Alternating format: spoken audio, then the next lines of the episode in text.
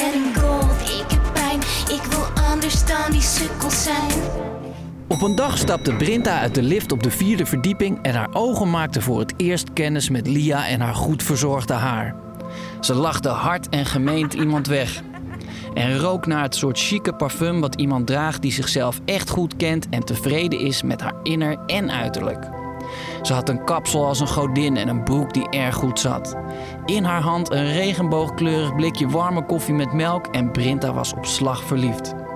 Brinta's koffieplan is even simpel als doeltreffend. Ze haalt twee blikjes van de koffie, neemt die mee naar de vierde verdieping, Ja. verzint ondertussen in de lift iets om te zeggen Ja. en raakt eindelijk aan de praat met Lia.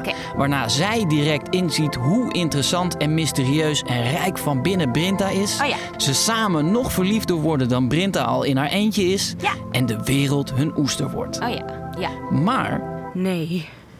Nee, wat de een fuck? groot gapend gat is wat Brinta aantreft. Go first. Go